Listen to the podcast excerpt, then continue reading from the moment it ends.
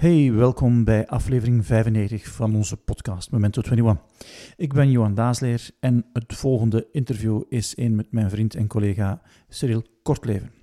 Cyril heeft een aantal maanden geleden zijn recentste boek gepubliceerd, zelf gepubliceerd, en dat draagt de titel The Change Mindset.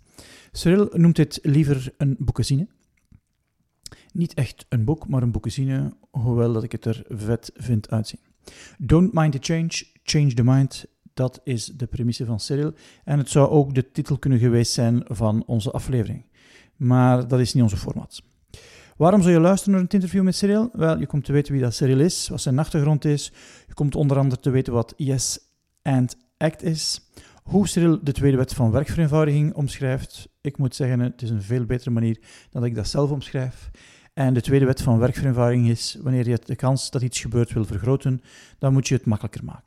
Cyril noemt dat iets met bananen. Je komt onder andere Cyril zijn ochtendritueel te weten, een aantal favoriete films en nog veel meer.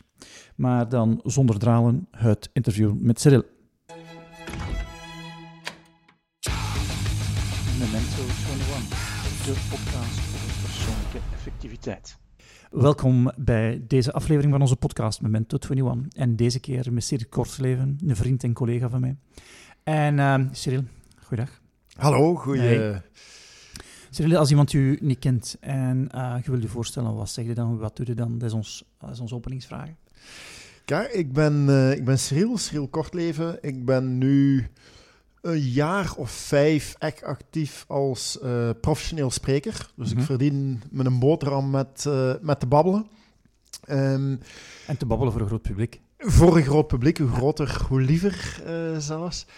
Um, ik, kom, ik heb gestudeerd handelsingenieur. Had op dat moment nog niet echt een idee van uh, wat wil ik nu eigenlijk doen. En ben dan terechtgekomen bij ORMIT. ORMIT is een soort management traineeship. Waar we heel wat opleidingen en dergelijke kregen. Rondom coaching, leiderschap, uh, dat soort zaken. En een van die opleidingen was creatief denken. Mm -hmm. En dat uh, prikkelde me echt. Want als economist had ik altijd geleerd van ja, 1 plus 1 is 2 en dat is het, dat is het enige antwoord. Maar met uh, creativiteit kan 1 en 1 kan van alles zijn, ja. hè, afhankelijk van uh, je context. Dus ik ben toen diezelfde avond nog gaan zoeken van, bestaat er een bedrijfje dat daar iets rond doet? En dan ben ik terechtgekomen bij uh, het COCD, Centrum voor Ontwikkeling van Creatief Denken. Zij gaven allerlei opleidingen rond creativiteit, mm -hmm. ja. uh, innovatie, brainstorms ben ik dat wereldje ingerold. Uh, heb ik een 3,5 jaar voor hen gewerkt. En dan ondertussen zitten we al dadelijk, goh, ik denk 12 jaar geleden ben ik als zelfstandige begonnen. Heb ik in het begin vrij veel training gegeven rond creatief denken, mm -hmm. uh, brainstorms begeleid. En nu de laatste vijf jaar echt ja. spreken. Ja. Ja. En spreken over creatief denken of over ja, iets meer. Uh, mijn focus is van creativiteit iets meer verlegd nu naar verandering. Mm -hmm. Hoe ga je, en vooral dan de verander mindset. Dus ik heb het op zich niet over hoe je je organisatie anders moet uh, gaan structureren, maar eerder wat is de mindset die je nodig hebt uh, bij je mensen om met al die okay. veranderingen om te gaan. Ja, ja. En, en kun je er iets over vertellen? Welke mindset heb je dan nodig? Ja, wat je merkt is dat mensen vaak moe zijn van al die veranderingen die gaande zijn. En er mhm. verandert natuurlijk continu van alles, zowel -hmm. op technologievlak als uh, sociaal. Er zijn, de, de klant wordt steeds mondiger, we moeten steeds meer leveren in een kortere tijd. En hoe ga je daarmee om? En voor mij begint het echt bij wat ik dan noem uh, ja, de change mindset. En dat is je stuk openstellen voor, voor al die veranderingen die gaande zijn. Want de verandering gebeurt toch mm -hmm. sowieso. Dus ja. je kunt er weerstand tegen hebben en je er tegen verzetten. Uh, maar dat levert alleen maar frustratie op. Dus wat kun je doen om die verandering makkelijker te maken? Ja. Hoe kun je er makkelijker mee omgaan? Hoe kun je meer openstaan voor dingen? Hoe kun je zelf meer veranderingen zien? Ja. Ook voor je eigen leven, je eigen product, je eigen dienst zie je iets sneller opportuniteiten. Mm -hmm. En het is een beetje ontstaan het boek van uh, Mindset van Carol Dweck. Mm -hmm. Zij heeft het over een fixed mindset en een uh, growth mindset, waarbij je inderdaad iets hebt dat mensen een stuk zijn opgegroeid en een gevoel hebben van je, het brein en alles wat ik heb, dat is een gegeven. Ik kan er niks aan veranderen.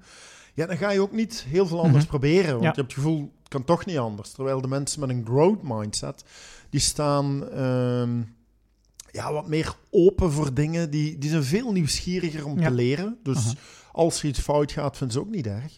En het is een stuk daarvan vertrokken van, ja, maar volgens mij hebben we ook een soort mindset met die verandering. Mhm. En hoe ga je daar dan eh, mee om? Ja.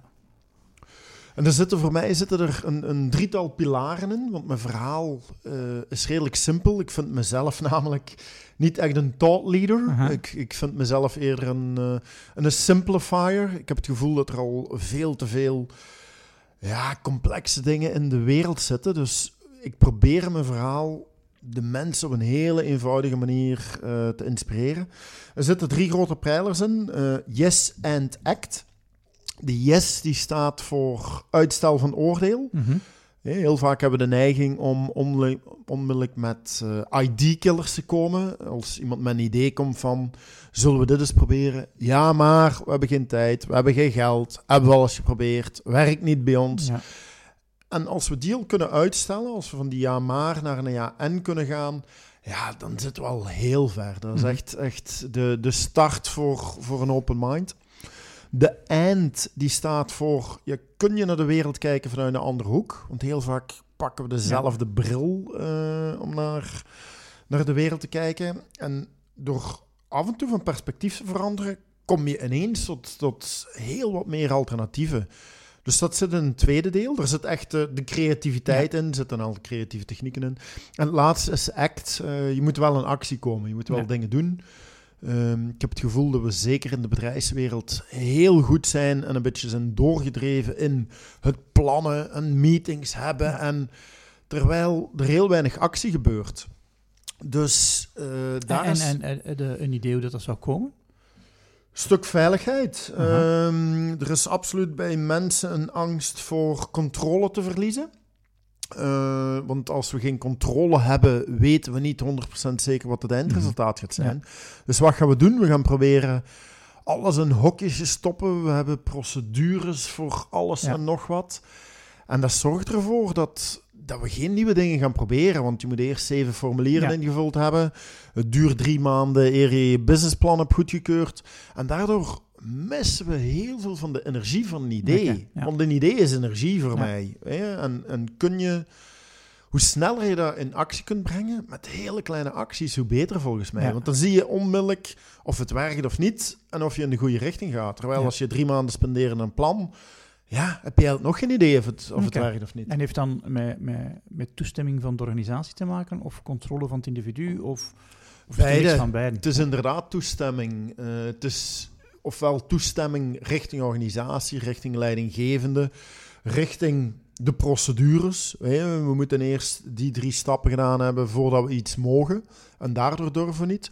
Maar ik denk dat het ook heel vaak te maken heeft met eh, toestemming van jezelf om, om iets nieuws te proberen, om, Ja. eh, om fouten te durven maken. Eh, ja, ik denk, ik denk echt de combi. Ja. ja. En, en ik vind mindsets nog altijd een moeilijk begrip. Hoe krijg je dan een andere mindset? Hè? Ja, Stel dat ik nu helemaal geen een change mindset heb, hoe krijg ik dan een change mindset? Het heeft inderdaad al een stuk met attitude te maken. En het, ja, het, het, stel dat je zou zeggen van, ja, maar ik heb geen change mindset, ja, dan heb je waarschijnlijk gelijk. Mhm. Ja, dat, dat zegt al, al, al iets over hoe je naar de wereld kijkt. Het heeft voor mij te maken met een soort instelling. En, en dat, hoe, hoe kijk je naar de wereld? Hè? Je hebt ook de pessimisten, optimisten. En op zich is er niks mis mee. Maar ik denk dat de wereld van de optimisten af en toe wel wat leuker is. En volgens mij is dat ook met de, de verander-mindset of change mindset, hoe je het wil noemen. Ehm, ik zou zeggen, ja, begin heel klein. Word je ten eerste al bewust Mhm. van dat je bijvoorbeeld heel vaak ja maar zegt. eh, want we doen dat vaak onbewust, we hebben het zelfs niet door. Word je bewust dat je heel vaak vanuit eenzelfde hoek naar de wereld kijkt. Weet je, dat je dingen altijd op dezelfde manier aanpakt. Je gaat misschien altijd naar dezelfde plek op vakantie. Je zit altijd samen aan tafel met dezelfde collega's. En dan kun je heel simpel veranderen door eens op een andere plek te gaan zitten. Dat kost helemaal niet veel tijd en moeite. Mhm. Dat is misschien wel een beetje spannend. Ja. Maar daar heeft het mee te maken. En durf die actie te zetten. Want vaak doen we het wel in ons hoofd, maar daar komt die act dan weer in. Neem eens een stapje. Ga eens langs die collega zitten die je helemaal niet goed kent. En wie weet wordt dat een superboeiend gesprek. Ja. Maar je kunt er maar op één manier te weten komen. Door er eens naast te gaan zitten en, en te proberen. Oké. Eh, Dus het is, het is ook experimenteren dan. Mm, absoluut. Ja, eh, zelfs veel experimenteren. En het is mi- misschien wel leuk, ik noem het een ehm banano-actie. Mhm. Wat zijn banano-acties? Komt eigenlijk van concept wat ik in een eh, artikel van Harvard Business Review heb gelezen over het bananenprincipe. Eh, wat ging over, kijk, als je een weegschaal, of een weegschaal, een fruitschaal hebt met fruit en je zet je een organisatie dat mensen wat gezonder zijn, zitten appels en, of eh appelsinen en bananen in, dan zijn bijna altijd die bananen verdwenen. Waarom? Omdat het net iets makkelijker is Mhm. om, eh, om te schillen. Nu, ik heb ervan gemaakt het Banano-actie. En wat is dat dan voor mij? Heel concreet, je hebt eh 10 euro of 10 dollar of welke munteenheid je, eenheid je ook wil. En je hebt één uur de tijd. Want dat zijn de twee grootste ID-killers die ik vaak tegenkom. We hebben geen tijd, we hebben geen geld.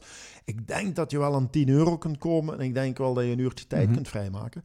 Wat zou dan je eerste stapje kunnen zijn? Je? Dus je zou het ook een mini-experiment kunnen noemen om te zien of je de goede richting uitgaat Ja. of niet. Weet je? En ook al mislukt het, dat is niet erg, want je hebt meer geleerd dan iemand die het Ja, niet geprobeerd Mhm. heeft. Ja.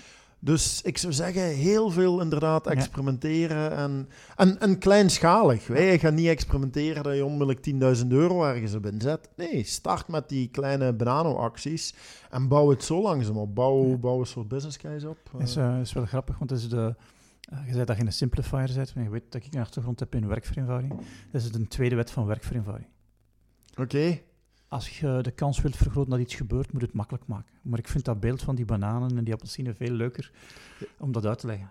Ja. Eh, en ik gebruik dat nu ook tijdens onze workshops Master Your To-Do-list. Eh, en zeg van, verdorie, als er appelsinen staan op je to-do-lijst, dan ga je dat waarschijnlijk niet doen. Maar als er banaantjes op staan, dan is er een hele hoop van gedaan. Ja. Ik had ooit iemand die zei, ja, maar in een fruitschaal, als er druiven liggen, eh, die gaan nog sneller op zijn. En, en dat is wel een mooie bevestiging van Ja. het feit van, het moet makkelijk zijn, want anders kiezen we voor... We kiezen voor iets makkelijk. Ja, ja. Je moet daar ook niet lullig over doen, we kiezen voor makkelijke dingen. Nee, en dat is, dat is dan inderdaad wel de kracht, zeker als het over productiviteit maakt, van neem even de tijd om te kijken van hoe kan ik het net nog een laag simpeler maken. maken, ja. Net een laag makkelijker maken, dat de kans weer, weer vergroot dat je, dat je daadwerkelijk die actie gaat doen. Hè? Ja, absoluut. Ja. En, Dus- en, en ja, waarschijnlijk is er een heel traject aan vooruit gegaan, eh, voorbij gegaan, Cyril, om aan ehm, dat concept van change mindset te komen. Wat zijn zo inspiratiebronnen voor u geweest? Goh, heel veel. Eh, Ik vind... Ja, de, drie, de drie die nu in uw gedachten schieten. Ja, Ik wil één- zeggen de belangrijkste, maar dat is de moeilijkste. Ja. De drie die in uw gedachten schieten. Dus dat is, dat is trouwens al een heel mooi voorbeeld van een soort banaanactie. Mhm. Van neem wat nu naar voren komt, dat, dat zijn de belangrijkste. En dat helpt ook, hè? want als je gaat nadenken over ja, wat vind ik belangrijk, maak het weer complexer. Goh, een, een van de boeken eh, die me zeker inspireert, en ik kan me voorstellen dat die op de podcast ehm, wel voorbij is gekomen. eh, de plakfactor. Ja. Made to Stick, eh, Dan en Chip Heat. Ja, ik vind hun succesverhaal. Ja. zeer sterk. Zij hechten daar ook heel veel belang aan, aan de factor. Mhm. Ja. Ehm, dus dat is zeker een element eh, dat meespeelt. ze nog allemaal opnoemen, Cyril? Moet, misschien moeten we ook voor de luisteraars vertellen dat we bijna ooit een workshop gestart zijn vanuit dat boek. Hè. Klopt, klopt, klopt. Maanden ingestoken, twee keer gedraaid. en het is uiteindelijk een, een rakeling geworden. Daar zal ik dadelijk nog iets over uitleggen. Maar inderdaad, de, de, zij hadden een principe. Zij zijn gaan kijken naar de urban legends, wat eh, bleef hangen. En ze kwamen erachter dat bepaalde verhalen bleven plakken en andere niet. En ze hebben dat samengevat onder het acroniem SUCCES. Simple, unexpected, concrete, credible, emotional... En can you make it into a story? Yes, yes. Ja. Ook weer eigenlijk een heel Ja. mooi voorbeeld. Succes, door zo'n acroniem te nemen. Nu, ik heb wel het gevoel dat er ondertussen bijna meer acroniemen zijn dan, eh, dan, dan kennis af en toe. Maar, maar het helpt wel, eh, dat soort zaken. Dat zeker. Ene, ene die mij ook wel inspireert. Het is eigenlijk meer een tool. Is, is Blinkist. eh, Mhm. ben ik nu aan het volgen.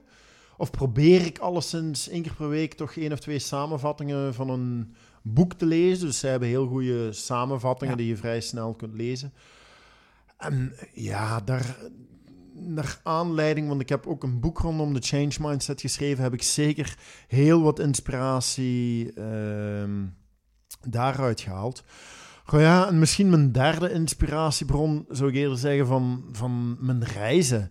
Eh, dankzij de, de, de rol ja, die, die ik aan mezelf gegeven heb van, van spreker, en dan zeker internationaal spreker, want België en Nederland zijn dan toch relatief kleine landen voor het spreken, ben ik vrij vlugel internationaal gegaan. Ik heb zoveel geleerd van mensen van andere culturen. Ja, en dat heeft dan ook weer absoluut met verandering te maken. Want zij hebben bepaalde gewoontes die voor ons heel raar zijn. Mhm. En, en omgekeerd, zij kijken naar ons eh, met die bril. Ja, en gewoon het besef door in andere landen te zijn. Dus ik denk dat reizen is volgens mij een van de mooiste dingen. Allee, als je geïnspireerd wil worden, ga eens naar landen die, eh, ja, waar zij een andere Ja. cultuur hebben. En, Ja. en wat zijn zo uw favoriete reisbestemmingen? Ja, eentje, ik denk de nummer één is toch wel. eh, ik, noem, ze samen: Australië Nieuw-Zeeland. Ehm, ik denk qua natuur en dergelijke en qua reisbaarheid is Nieuw-Zeeland dan net nog wat makkelijker. Eh, maar Australië ook fantastisch land, heel toffe mensen, hele ruwe natuur nog. En zeker Nieuw-Zeeland. Je kunt op één dag kun je van een gletsjer langs de zee rijden. Je komt via de bergen en ja, fantastisch. Ehm, ik ben ook een vrij grote Lord of the Rings fan. Ja. Dus, eh, dus ben er nu denk ik op de laatste vijf jaar ben ik zeven keer die kant uitgegaan. Mhm. Dus ondertussen daar ook wel een, een netwerk opgebouwd. Eh, ja, maar er staan nog zoveel landen op mijn lijstje die ik nog allemaal wil zien. Ja. Waarschijnlijk ongetwijfeld... Ik ben juist terug van Zuid, eh, Zuid-Afrika, ook fantastisch land. Ja. En wat ik het leukste vind, is als je daar wat mensen kent, dat je iets met die locals kunt doen. Weet je, dat maakt het vijf keer leuker dan, dan er zo met de reisgids. Dat is ook mooi, dat is ook avontuur, maar gewoon met de locals babbelen. Ja, daar leer je zoveel uit. Eh, ja. Eh, reizen is zo dikwijls toch nogal eh, een aanslag op je energie. Ja, je moet toch wel wat tijdzones door. Wat doe, je, wat doe jij om je energie hoog te houden? Een van de trucken die ik wel doe, of ja, ik weet niet of het een truc is, is maar dat ik als ik ergens een opdracht in het buitenland heb, dat ik minstens een dag eerder en een dag langer kan blijven. Dus is natuurlijk nog altijd wel Ja. stevige tijdsinvestering, maar dat ik op het moment dat ik echt moet produceren, weet je, dat uurtje dat ik, dat ik voor zo'n grote groep sta, of een dag dat ik Mhm. voor zo'n groep sta, eh, dan moet ik fris zijn. Dus ik probeer mijn energie echt in, in die richting op te bouwen. Dat helpt. Ehm, wat ik soms ook doe, is al, in, als ik, zeker als ik verder moet reizen, al twee dagen op voorhand langzaam naar die tijdzone gaan. Ja. Dus als het bijvoorbeeld acht uur verschil is, dat ik al twee dagen ervoor echt vroeger mijn bed in ga en, en op tijd opsta. Dat zijn dingen die helpen. Eh, geen alcohol drinken, echt wat op mijn, mijn eten letten. Ja. Eh, Ja, een koffie drinkt hij niet. hè. Koffie drink ik niet. Nee. Dus, eh, Ja. ja. En, maar reizen betekent ook heel veel ja, wachten, heel veel eh, tijd spenderen in het vliegtuig. Hoe gebruikt u die, ja, ik weet niet of ik het moet noemen productief, maar hoe gebruikt u een tijd in het vliegtuig? Eh, wat ik daar doe is vaak heb ik, heb ik wel ideeën om, om nieuwe bloggers voor te maken. Die ontstaan wel geregeld in het vliegtuig. Je, daar heb je de tijd, je kunt niet gestoord worden. Ik ga hem niet onmiddellijk gaan uittypen, maar dan eerder op papier. Eh, echt wat ideeën verzamelen van hoe zou ik dat structureren. Ehm, plannen maken gebeurt ook meestal op dat moment. Dat ik ga kijken van weet je, het volgend kwartaal, volgend jaar, eh, wat gaat mijn thema zijn. En dan zal ik nog wel een dag nemen om echt te gaan zitten en het uit te werken. Maar daar ontstaan wel vaak de eerste ideeën. En ik gun me daar ook heel vaak, als ik dan twee, drie uur echt eh, wat goed gewerkt heb, dat ik echt, echt wat nieuwe concepten of zo bedacht heb. Ja, ga ik gewoon nog een filmpje kijken of een Ja. leuk boek mee. Ehm, ik maak meestal een mix tussen businessboek en, en eh, gewoon wat, wat lossere literatuur, zal ik zeggen. Ehm, ja, en dat, dat werkt meestal vrij Ja. goed. Ja. Wat is een film die je nu zou aanraden? Goh, ik moet zeggen, ik heb laatst heb ik er toch weer twee of drie eh, gezien. Wacht, wat is nu? Ik ben nu via, via Netflix ben ik nu ehm, van die detectieven Mhm. aan het kijken. Eh ik ben zijn naam kwijt. Eh, onze Brit. Luther? Nee. Eh, ja. Het is niet erg, het Ik komt terug. eh, Ja. ik, je, zal, dadelijk wel Ja. terugkomen. Ehm, goh ja, qua films. Ik kijk meestal wat actiefilms.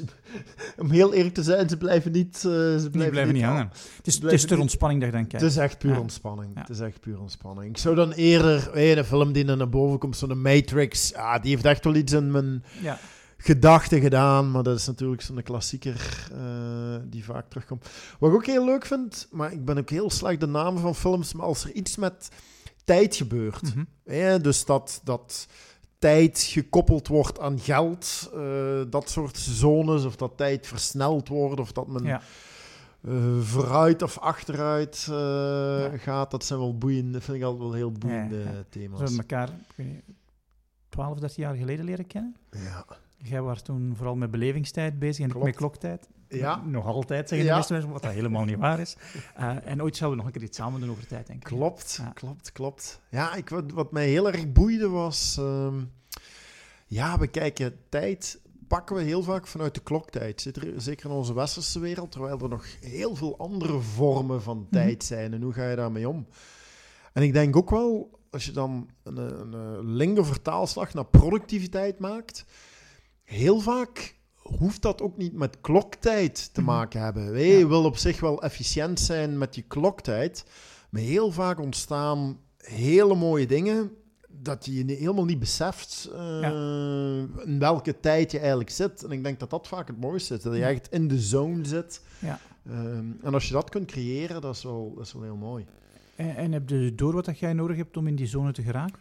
Wat ik nu doe, ik heb een soort ochtendritueel. En dat, want ik heb al echt verschillende dingen zitten proberen, ook meditatie en dergelijke. Maar op een of andere manier was dat toch mijn ding niet. Wat ik nu s'morgens doe, dan sta ik echt bewust even... Ik heb zo'n Boeddha-beeldje in mijn, mijn living staan, ook mijn werkruimte. En eh, daar ga ik dan heel even voor staan. Dat is misschien één minuut.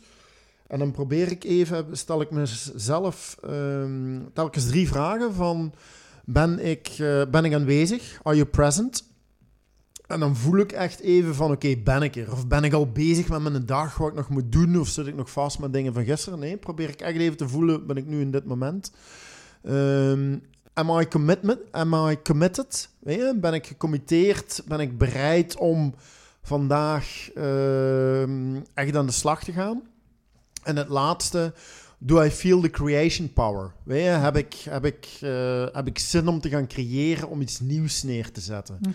En die drie vragen, die helpen me wel om ja, wat aan de dag te starten. En dan de volgende actie wat ik doe, ik heb eh, aan mijn bureau heb ik een aantal ehm, ja, assumpties die ik had over mezelf. Bijvoorbeeld, eh, ik moet heel hard werken om een nieuwe opdracht te krijgen. Of eh, je, ben ik, wie, wie wil er nu nog een boek lezen over verandering? Er zijn er al zoveel. Dus dat waren zowat overtuigingen die ik had, die, die eigenlijk niks toevoegden. En ik heb die omgevormd naar, naar een positieve overtuiging. Dus bijvoorbeeld van, ik moet hard werken, is van, nee, ik verdien het op dit moment dat nieuwe opdrachten naar me toe komen. Nee, Mhm. ze komen vanzelf naar me toe. En eh, weet je, mijn boek gaat echt nog toegevoegde waarde leveren. En dan loop ik heel even, dan zet ik ook een kruisje bij de, bij de positieve overtuiging. En dan de derde stap van mijn ochtendritueel is dat ik eh, een lijstje maak. Dus ik heb een soort eh, to-do-list. Dat, dat is een andere, maar ik maak er nog een aparte lijst van wat zijn nu de drie dingen die ik vandaag wil doen. Ehm, en dan ga ik naar mijn to-do-list kijken. Zorg ik ook dat die bovenaan eh, die lijst staan. Ja. En daar begin ik dan mee. En dat, dat helpt me wel om, om eh, bewuster met die dag om te gaan. Oké. Ja. Heb je st- strategieën die u helpen om, om, om niet van dat lijstje af te wijken? Mm, Ik gebruik de Tomato-app Mhm. af en toe. Dus, Ja, dus De Pomodoro-techniek. Pomodoro-techniek. Ja. 25 minuten. En zeker toen ik met mijn boek aan het schrijven was, hielp die heel erg. Want dan nam ik me ook voor van, kijk, ik wil vandaag 10 eh Pomodoro's gedaan hebben. En die helpt wel. Want dan merk je soms wel van, als die 25 minuten om zijn, van oeps, ik ben nu eigenlijk met een andere taak bezig. En dat helpt me om dan Ja. terug te keren naar... eh, Ja, het is grappig hoe dat, dat brein ons afleidt. Hè? Ongelooflijk. Ja. Ja. ongelooflijk. En dan heel bewust blijf ik ook echt weg van, van social media. Zeker op die momenten dat ik met die Pomodoro-techniek... Ja, en, eh, en hoe werk. blijf je dan weg? Heb je dan, eh zit het gewoon af of heb je software die dat zorgt dat er... Nee, ik, nee, en dat lukt me vrij aardig. Ik heb er geen software of zo voor, maar als ik... Ja, ik doe het ook als ik het, het harde werk of de deep work wil doen... Ja, dan ga ik, ga ik er ook niet naartoe. Dan Ja. ben ik blijkbaar bewust, kan ik me dan instellen. Ik ben nu ook commit om er niet naartoe te gaan. En dat lukt me dan ook aardig. Probeer, ga ik, ook mijn, ik doe bijvoorbeeld mijn mail ook niet open. Wat ik dan, zeker toen ik met mijn boek bezig was, zeker met de deadlines, ehm, ging ik er redelijk strak mee om. Dat ik ook in de ochtend mocht ik, ehm, als ik startte, mocht ik vijf minuten heel even naar mijn mails kijken. Ja, Gewoon voor de gemoedsrust. Mhm. Om te zien van, is er een grote opdracht of is er iets belangrijks. En dan kon ik het ook loslaten. Ja. Je, want daar heb ik af en toe, vond ik wel een goede tip. Want je krijgt vaak te horen van, ja, je doet de e-mail pas smiddags open, maar dat gaf me een heel onrustig Mhm. gevoel. Dus ik geef me nu de gelegenheid, ik mag vijf minuten er naar kijken. En dan was er nog echt vijf minuten. Ehm, ja, en dan kon ik me wel op de rest concentreren. Eh, ik denk dat productiviteit heel veel te maken heeft met veiligheid. Ja, Als je je veilig voelt, ga je constant eh, zitten scannen, is er niks aan het gebeuren en is er niet geconcentreerd zijn. Absoluut. En dan wil ik eigenlijk wel een linkje wat je nu zegt van, van veiligheid, kan ik eigenlijk ook wel naar die verandermindset maken. Want dat begint ook, je vroeg toen straks van, ja maar ja, als ik er niets mee bezig ben, zorg voor veiligheid. Mhm. Want je hebt ook absoluut, voordat jij van, van een ja maar naar een ja en kunt gaan, heb je wel die veiligheid nodig. Als je het gevoel hebt van, ja, andere mensen gaan mij er onmiddellijk op beoordelen, of het gaat niet goed zijn, dat stemmetje moet je wel uitgeschakeld krijgen. Ja. Dus ik denk dat dat ook wel essentieel is eh, Ja. om daarmee om te Ah, gaan. dat boek van Mark Manson schoot nu door mijn hoofd. The Gentle Art of Not Giving. eh, ja. ja. trouwens, ja, dat mag ook een van mijn tips zijn van de boeken. Ja, absoluut. Ik vond het een heel sterk boek. eh, Ja, ik, vond er de eerste keer niks aan. Ik ben ook halverwege gestopt. Maar omdat jij zo enthousiast was, heb ik hem opnieuw gelezen. Oké. En ik ben er dan toch wel doorgegaan. Maar ik denk, ja, natuurlijk zit er een punt in. En ook de taal is eh, goed gedaan om goed te marketeren. Dus het is, Ja. het is wel echt goed gedaan. Ja, wat ik wel, wel leuk vind, is natuurlijk de, de titel triggert ook Mhm. heel erg. Ja. Maar het gaat er ook wel over, you don't need to give a fuck about everything. Ja. Ja, en dat was wel... Benieuwd of jullie al iets gedaan hebben rondom ook eh, ja, persoonlijkheden van mensen. Mhm. Ik ben toch van nature wel een pleaser. Ja. Dus wat merk ik? Ik ga bijna elke e-mail ga ik beantwoorden. Ja. Omdat ik het gevoel heb van, ah, die persoon heeft moeite gedaan om mij mailtjes te sturen.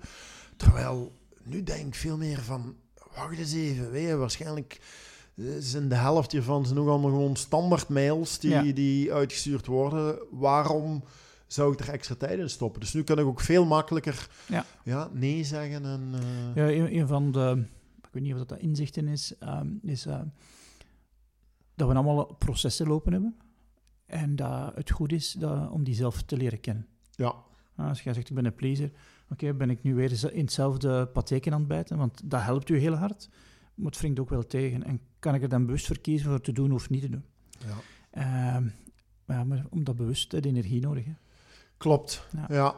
Ja, en, en, en heeft echt focus nodig. Hè? Want dat, ook weer, volgens mij kan ik weer de perfecte link ook met als jij dingen wil veranderen in je leven, ga jij inderdaad ook ehm, ja, het, het, het commitment moeten hebben en, en eh, ja, voor, Ja. voor die focus durven, durven te kiezen en de veiligheid en, en er bewust van zijn. Hè? De meeste zaken doen we gewoon allemaal onbewust en we gaan maar door en we gaan maar door. Ja, ik denk dat heel veel te maken heeft met bewustzijn, maar ook met energie. Als ik weinig energie heb, dan is het moeilijk om te veranderen. Ja, Dan verval ik zo gemakkelijk in mijn Ja. oude patroon.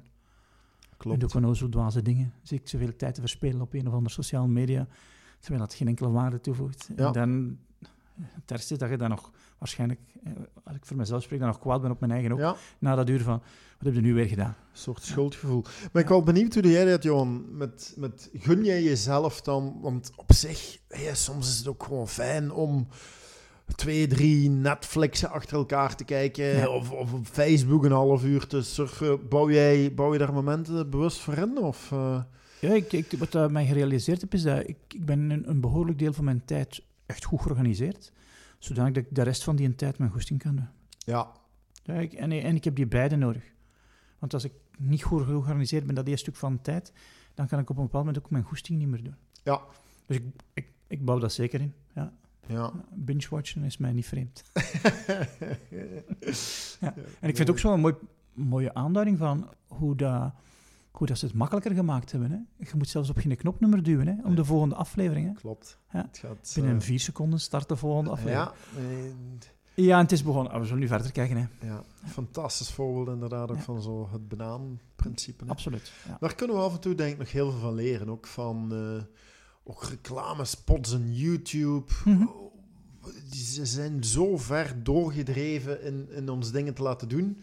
Ja, wat kunnen we daaruit halen Ja. en meepakken om, om productiever te zijn? Ja. Het hele gaming-concept, dat wordt nog zo weinig gebruikt. Ja, als je ergens een spel speelt of op YouTube, er gaat een timer lopen, je krijgt punten als je iets gerealiseerd hebt. Het zou toch fantastisch zijn? Je werkt in een bedrijf en als, als jij dingen gedaan hebt die op je to-do-lijst staan, komen er punten, dat wordt zichtbaar gemaakt. Weet je, je- Ja, dat zou inderdaad wel fijn zijn. En hoewel, nu, nu wordt betaald. Hè. Nu is de, de waardemeter het aantal uren dat je gewerkt hebt. Hè. ja, Omdat moeilijk te kwantificeren is. ja. Nee, klopt. Ja. Klopt. Of het zou toch ook mooi zijn van, als je resultaat behaald hebt, men kijkt niet zoveel naar de uren, Mhm. Ja, mag je hier een half uur Netflix op kantoor kijken? Ik weet niet of dat Ja, of, productief zou zijn. eh, of, of een hazenslaap kunt doen. Hè. of zoiets. Eh, Ja, Ik herinner mij, ik heb heel lang voor Colruyt gewerkt. Daar konden we alfa-slaap doen. Dat was dus 20, je moest, moest uitpunteren. Maar je mocht dat dus niet in je bureau doen. Hè. Er waren aparte ruimtes voor, omdat... Ja, wat gaan de mensen zeggen als je in je bureau 20 minuten ligt te slapen? ja, ja. En het is wel gek hoe, dat, hoe dat we ons laten beïnvloeden door de meningen van anderen. ja. Ehm, ja, gek en niet gek. Goh, weet je, op zich vind ik het gek dat het nu nog altijd is. Want Mhm. we weten, hé, er zijn wetenschappelijke bewijzen dat dit soort zaken wel werkt. Maar nog Ja. schamen we ons een beetje van, ja, maar ik ga niet dat hazenslaapje, weet je. Ja. En zeker niet twee per dag. Wat denken de mensen wel van ons? Ja. Weet je? En dat zijn natuurlijk ook weer die ID-killers in ons eigen hoofd. Ja. Weet je, die ontstaan zijn door opvoeding, de maatschappij. eh. terwijl ik denk van, wacht even, voor een bedrijf zou dit, zou dit echt positief zijn. Het levert, het levert echt dingen op, maar toch Ja. zit er nog een soort stigma boven of onder of, of waar dan Ja. ook. Ja. Eh, dat ervoor zorgt dat we het niet doen. ja, klopt. En het deed me nu net denken aan eh, het nieuwe boek van, ik ben nu naam vergeten, noemt 21 lessen voor de 21ste eeuw, van de man die Homo Deus geschreven heeft en Sapiens Ja. geschreven heeft.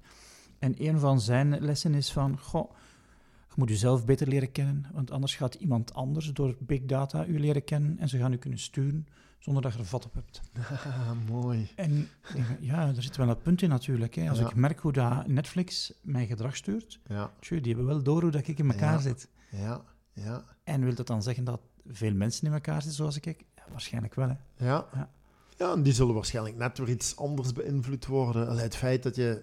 Netflix is daar een heel mooi voorbeeld van. Dat je e-mails krijgt van... Deze, eh, deze films of deze series moet je een keer gaan kijken. En als je gaat kijken, klopt het ook vaak Ja. echt dat je denkt van... Wauw, weet je, allee, ook creepy. Ja, Ehm, ja, dat zal denk ik richting de toekomst wel een spannende zijn. Want hoe gaan we al die technologie en die big data... Ja, ik denk dat we nog maar aan de start zijn.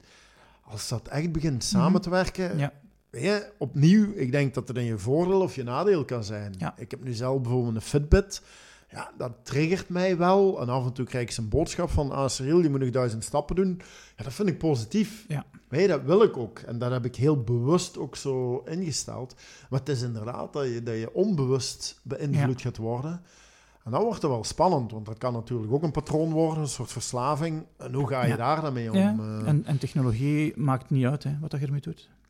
Nee, voor die technologie maakt het. Nee. Nou, dat is compleet uh, neutraal. Het is Ja. Zwitserland, maar het beïnvloedt ons wel. Hè, in Ja, positieve... en het gaat er komen, hè. Het gaat er... Allee, dat, dat is... We kunnen nou wel zeggen, weet je, 15 jaar geleden zei, zei ja, de mensen ook zoiets van, ja, ik ga echt niet met zo'n, met zo'n ding aan mijn hoofd, zo'n telefoon of een iPhone gaan lopen. Ja, het is zo grappig dat ik nu op restaurants, dat er twee oudjes van 70 zitten die allebei op hun telefoon Ja. zitten spelen. Weet je, dat is een beeld... eh, Breng dat 15 jaar terug, of 10 jaar, of 5 nie- jaar. had geloofd, hè. Dat zouden mensen echt Ja. niet geloofd hebben. Ja. Eh, Dus eh, technologie be- beïnvloedt echt ons gedrag wel. hè. Het gaat, ook, ja. het gaat ook niet terug. Hè.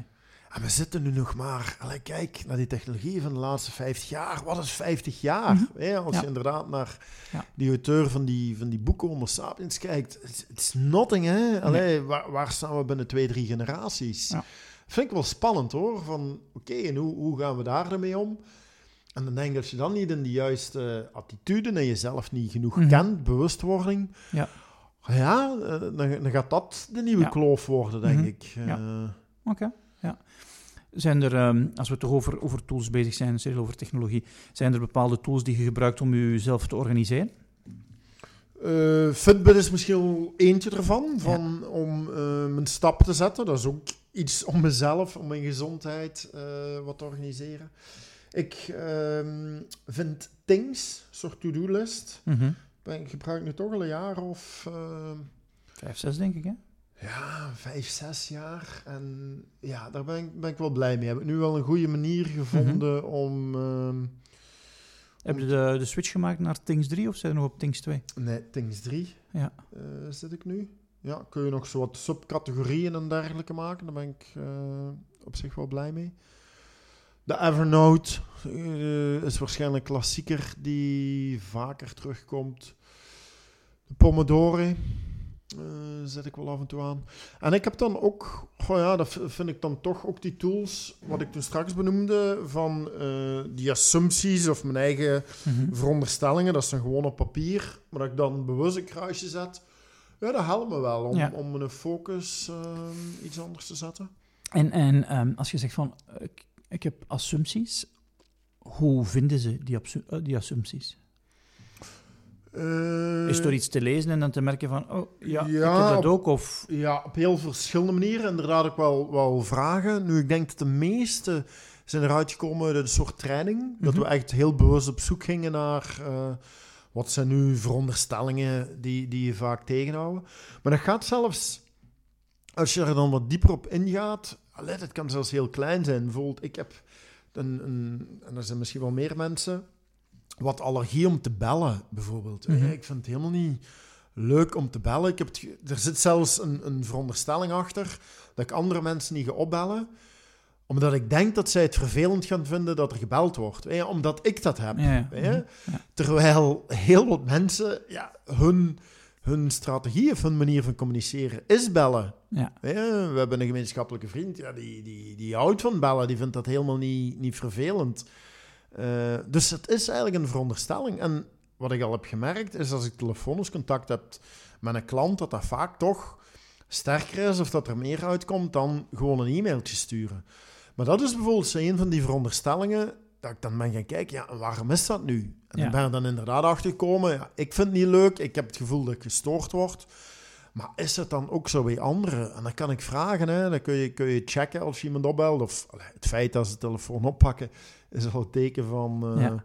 en, en stel nog heel even de vraag en, en opgelost.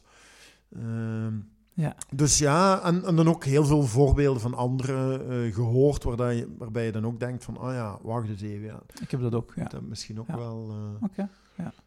ja. Was, was zo ooit het grootste inzicht, als je het wilt vertellen, dat je over jezelf hebt eh, opgedaan? Of recentst. Dat is makkelijker. Dat is een Ja, recent is makkelijker, maar ik wil misschien dan toch de belangrijke of mijn grootste. Ik was tot, denk ik, mijn... mijn allee, en als ik nu terugdenk, ik vind het eigenlijk wel heel erg. Ik denk dat ik tot, tot op de leeftijd van 4, 25 jaar geen flauw idee had dat ik aan persoonlijkheidsontwikkeling kon doen. Ja. Ik, ik kende dat, ik wist dat niet. Ik was op zich een oké student. Ik was niet speciaal, maar ja, ik ben economie gaan studeren omdat mijn pa dat heeft gestudeerd. Daar kon ik nog veel richtingen uit. Dan ben ik zo wat, wat werk gaan zoeken. Dan ben ik eigenlijk dolgelukkig dat ik bij Ormit, dat was dan het management traineeship, terecht ben gekomen. Omdat we daar vrij veel training kregen. En een daarvan was, was om een bewustwording en, en persoonlijkheidsontwikkeling. Ik denk, wat? Persoonlijkheidsontwikkeling? Wat moeten we... Wat moet ik daarmee doen? Ja. Ah ja, je eigen persoon ontwikkelen. En dat klonk op dat moment ook zo'n beetje zweverig. En, maar toen ben ik pas beginnen beseffen van, ja, maar wacht eens even. Dus, dus eigenlijk kan ik kiezen, hè, ook al heb ik nu een diploma, welke kant ik uit ga. Hè, ik moet er mhm. misschien stap. En dat is zo'n enorme omschakeling geweest. Want toen ben ik met creativiteit begonnen. Ook bijvoorbeeld, dat is misschien een leuk verhaal ook om, uh, om richting einde te gaan. Uh, en het, het, heeft ook heel, helemaal te maken met die change mindset. Maar op een bepaald moment, allez, vijf jaar geleden, heb ik de beslissing genomen van ik wil echt richting dat spreken gaan. Ik vind dat leuk voor een groep te staan. Het zijn niet zo heel veel mensen, maar ik vind dat leuk. Ik ben er ook redelijk goed in om die groep mee te krijgen. Ik wil internationaal spreker worden. Maar ja, had ik helemaal niet veel connecties in het buitenland. Mhm. België, Nederland. Dus ik ben toen misschien een keer of tien naar uh, Londen geweest, UK. Me heel moeilijk om daar opdracht te krijgen, naar de US geweest.